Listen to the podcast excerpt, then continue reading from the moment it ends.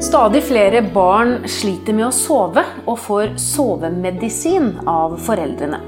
Dette skal vi snakke om i denne episoden av Babyverdens podkast. Jeg heter Karine Næss Frafjord og er i Bergen hos psykologspesialist og søvnforsker Mari Hysing. Du forsker altså på barn som sliter med å sove. Møter du mange som eh, får sovemedisin? Ja, nå har jeg også jobbet en del klinisk med barn tidligere, og da så vi jo også at for mange foreldre så oppleves det så belastende når barnet ikke får sove. Og da ønsker de å vurdere alle muligheter, og da er jo sovemedisiner en av de mulighetene. I hvert fall flere har, har prøvd på tidligere, ja.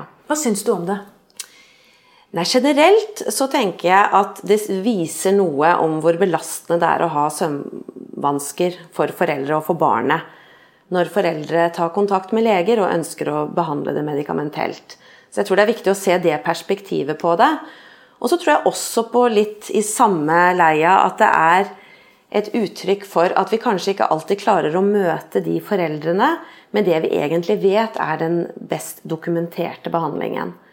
Det er jo sånn at for de aller, aller fleste barn så er ikke sovemedisiner det anbefalte valget ved søvnvansker. Og det er så vidt meg bekjent nesten aldri et anbefalt førstevalg. Man skal liksom gå noen trinn, og så kan det være, og absolutt i noen tilfeller ved ulike tilstander, at eh, medikamentell behandling er riktig, men det er veldig sjelden. For meg så høres det litt eh, dramatisk ut å gi søvnmedisin til barn. Det er liksom ikke det man forbinder med, med små babyer. Eh, hvor kommer tanken fra? Er det legene som anbefaler det, eller er det foreldrene som ber om det selv, tror du? Eh, nei, Det syns jeg er litt vanskelig å vite. Vi, vi, har sett et studie fra Norge hvor man så at der hvor foreldrene selv brukte sovemedisiner, så var det større sjanse for at de også ga det til barna. Så dette er vel litt i den hva slags verktøy har vi, eller metoder har vi når vi møter et problem? Hva er det som kan være mulige løsningsmekanismer? Og som sagt så syns jeg det er vanskelig å Jeg har ikke på noen som helst måte å kritisere de som gjør det, for jeg tenker at det betyr at dette er en stor belastning for de vurderer for barna og for seg selv, og da er det den metoden de har vurdert. Og så handler det jo også litt om hva slags kunnskap man har. For i seg selv så er jo ikke medikamentell behandling galt, gitt at, eh, at vanskene kan bedres, og det er den best dokumenterte. Men akkurat når det gjelder søvnvansker hos barn, så er det kanskje litt annerledes. For det første så vet vi at nesten alle barn må ha en del hjelp og støtte for å få til god søvn. Og Da vil det første være forebygging, og så vil det være kanskje å hjelpe de eh, i søvnen da, etter det. Å finne gode metoder og strategier for å hjelpe de å finne søvnen selv.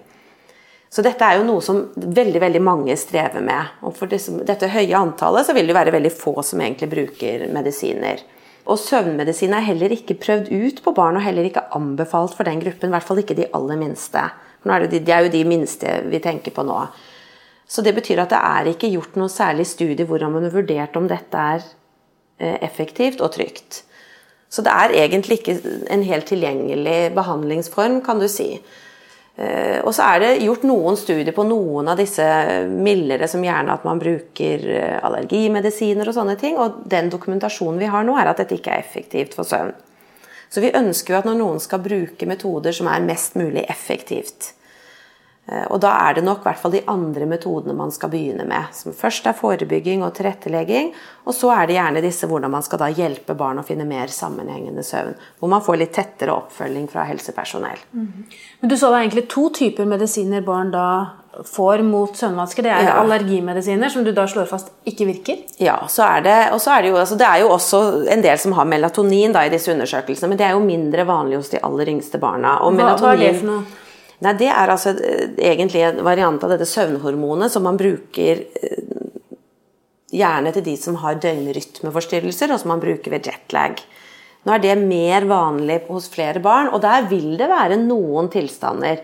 Det er noen syndromer og andre tilstander som gjør at de kanskje ikke har en riktig produksjon av dette, eller strever som gjør at da er det en anbefalt, men det vil være på veldig spesielle indikasjoner. Og så er det jo også sånn at dette er en behandling som også brukes en del hos ungdom som har døgnrytmeforstyrrelser. De aller yngste barna har ofte ikke døgnrytmeforstyrrelser. De har mer vansker med innsovning og oppvåkning. Eh, så Derfor vil ikke liksom, indikasjonen ofte være der. Og så er det heller i den grad man skal bruke det, så sier de fleste sånne generelle retningslinjer at du skal på annet, begynne på et annet område. At du skal begynne med å kartlegge, forebygge og mer atferdsbaserte tiltak. Mm. Ja. Men, men, altså, disse medisinene, du sa jo også at det faktisk ikke er forsket på om det er trygt. Tar man ikke da en ganske stor risiko? Ja, Det er kanskje ikke jeg den aller beste til å svare på som psykolog og som jobber med det, men i hvert fall akkurat sånn som det er nå, så er ikke det liksom førstebehandlingen. Og det er ikke det der hvor den eh, hoveddelen av empirien og dokumentasjonen ligger.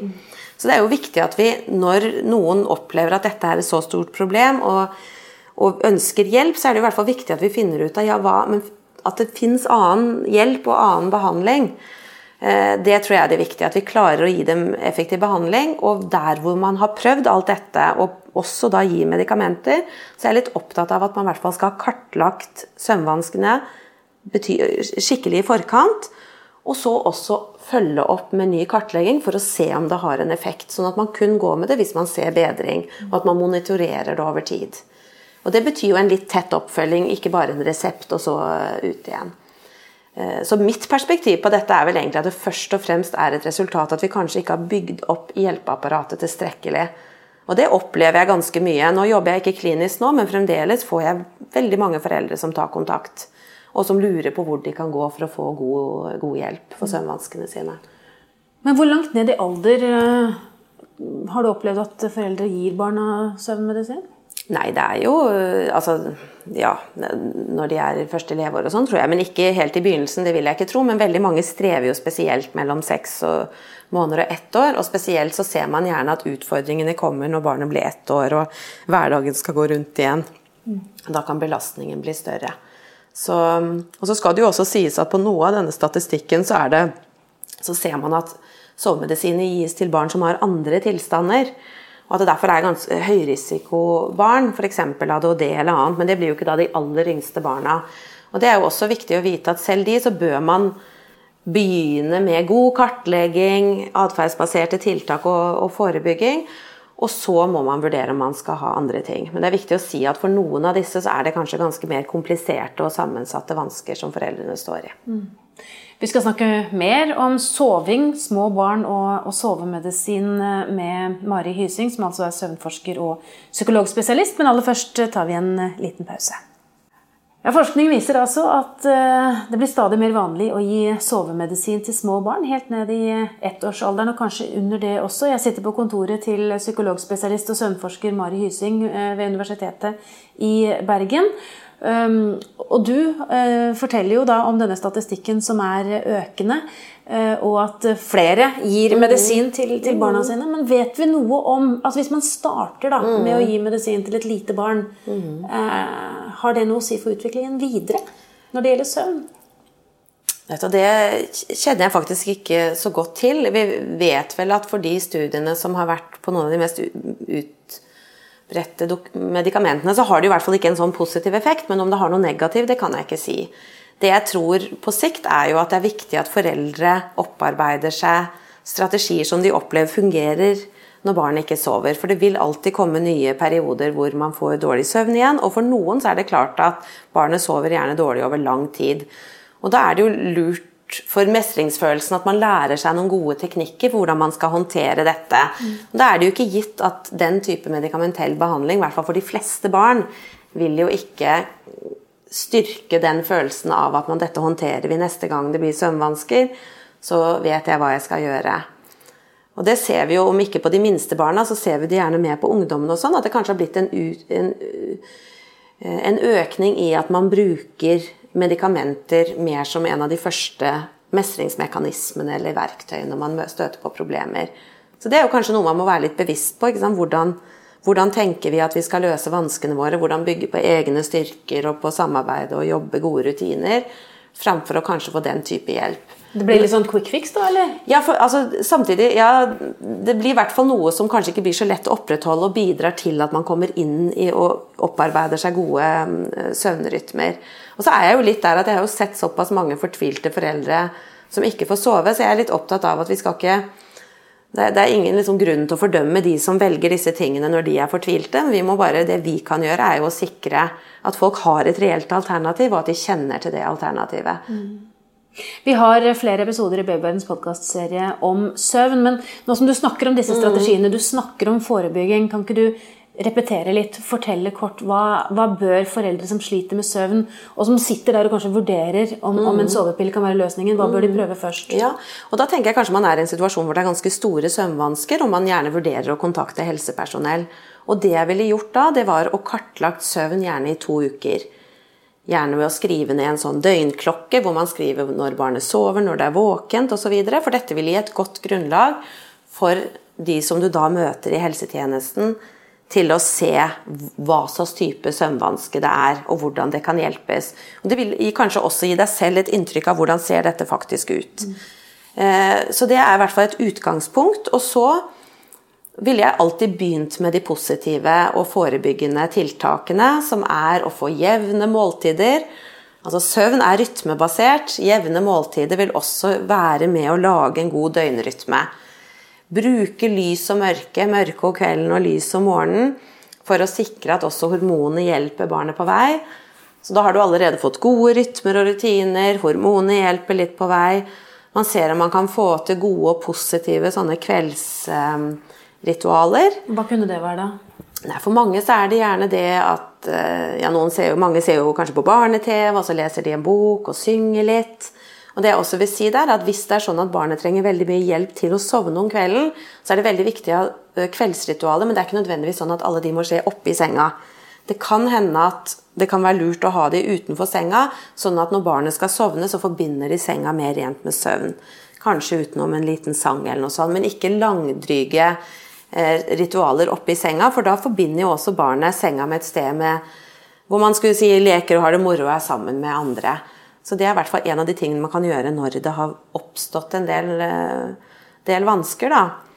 Og så er det også sånn at Hvis man har store vansker, så er gjerne liksom hovedmekanismen det er det at barnet trenger hjelp til å finne søvnen selv. Og så er det sånn at det, i hvert fall det første leveåret så er søvnrytmen vår sånn at gjerne hver time så går man opp igjen i lett søvn. Og sånn holder man på. Og når det er litt større, så blir det kanskje litt lengre mellomrom mellom. Så det betyr at vi egentlig alle, også små barn, og faktisk i enda større grad, våkner om natta. Forskjellen er hva gjør vi når vi våkner. Hvis barn er vant til å finne søvnen selv, så vil det kanskje snu seg litt rundt og sutte litt på tommelen eller liksom gjøre et eller annet, og så sovner de igjen og, merker nesten ikke at de har vært våken. Et barn som trenger hjelp fra foreldre for å finne søvnen, som gjerne må bysses og synges og klappes på for å klare å finne søvnen, vil jo gjerne måtte signalisere til en voksen at de skal komme. Og Det som da kan skje, er jo at det blir en litt sånn lang våkentilstand midt på natta for hver gang de våkner. Så Det er jo en del av utfordringen, er at da barnet får ikke så mye søvn, og i hvert fall ikke så mye sammenhengende søvn, fordi de trenger denne voksenhjelpen. Så Derfor så tror jeg at jeg ville nesten alltid begynt med den første innsovningen. da, mm. Hvor de prøver å se om man kan finne søvnen selv. Betyr det at den voksne bør tilstrebe seg på å få denne våkenperioden eh, midt på natten kort nok? Ja, jeg tror det at om natta så tror jeg vi skal prøve å være så rolige og så lite stimulerende som mulig, sånn at vi egentlig gjør det minimale vi må gjøre for å få barnet til å sovne igjen. Mm. Og for å øve på det, så er kveldene best. Barn som trenger veldig mye hjelp om kvelden, vil trenge det om natta òg, så jeg tror at man, det er lurt å begynne med kveldene, men så også prøve å, å minimere. Og barnet skal alltid vite at du er tilgjengelig, og det skal vite at det er trygt, men jeg tror ikke barn egentlig trenger mye samspill og, og, samvær på natta. De må vite at man er der og, og er trygge. Ja. Betyr det at øh, Mener du at man egentlig kan klare seg uten medikamenter eh, for å få barn til å sove? Nå snakker jeg om normale, friske barn. Jeg mener at man i hvert fall skal prøve de andre, gå trinnvis stegene. De, for de aller, aller fleste så tror jeg ikke medikamenter er nødvendig. Og så tror jeg at man skal passe på at man i hvert fall alltid begynner med forebyggende og atferdsbaserte tiltak. Og gjerne setter av litt tid. Passe på at man gjør en innsats for det. Og for mange så betyr det at de trenger å få sove noen netter ut før de begynner med disse forebyggende og, og, og prøver å være rolig på natta og få det så lite som mulig. For er man veldig søvndeprivert, så er faktisk ikke tiltakene her så lett å få til. Da er det lett at man gjør det som der og da gir en søvn, men som kanskje ikke bedrer søvnrytmen på sikt. Så jeg syns at det skal være for noen, og med noen tilstander som en siste utvei, men jeg syns ikke det skal være eh, de første trinnene. Da sier vi takk til deg for gode råd, søvnforsker og psykologspesialist Mari Hysing ved Universitetet i Bergen. Hvis du lurer på mer om dette temaet, finner du mange artikler på babyverden.no og diskusjoner med andre i Babyverdens forum. Hvis du ikke allerede har lastet ned appen vår, Gravid og barn, så anbefaler jeg deg å gjøre det med en gang, så kan du følge utviklingen til barnet ditt dag for dag og uke for uke. Siden du er opptatt av graviditet og barn, kan det også være lurt å abonnere på Babyverdens podkast, så får du nye episoder automatisk hver uke. Det er også vi som lager podkastserien Gravid uke for uke.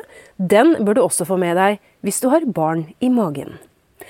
Har du kommentarer eller et tema du ønsker at vi skal belyse, så kan du sende en e-post til podkast at babyverden.no. Men husk at vi som lager denne podkasten er journalister og ikke helsepersonell. Så hvis du har medisinske spørsmål, må du ta kontakt med jordmor eller fastlegen din. Ha det godt til vi høres igjen.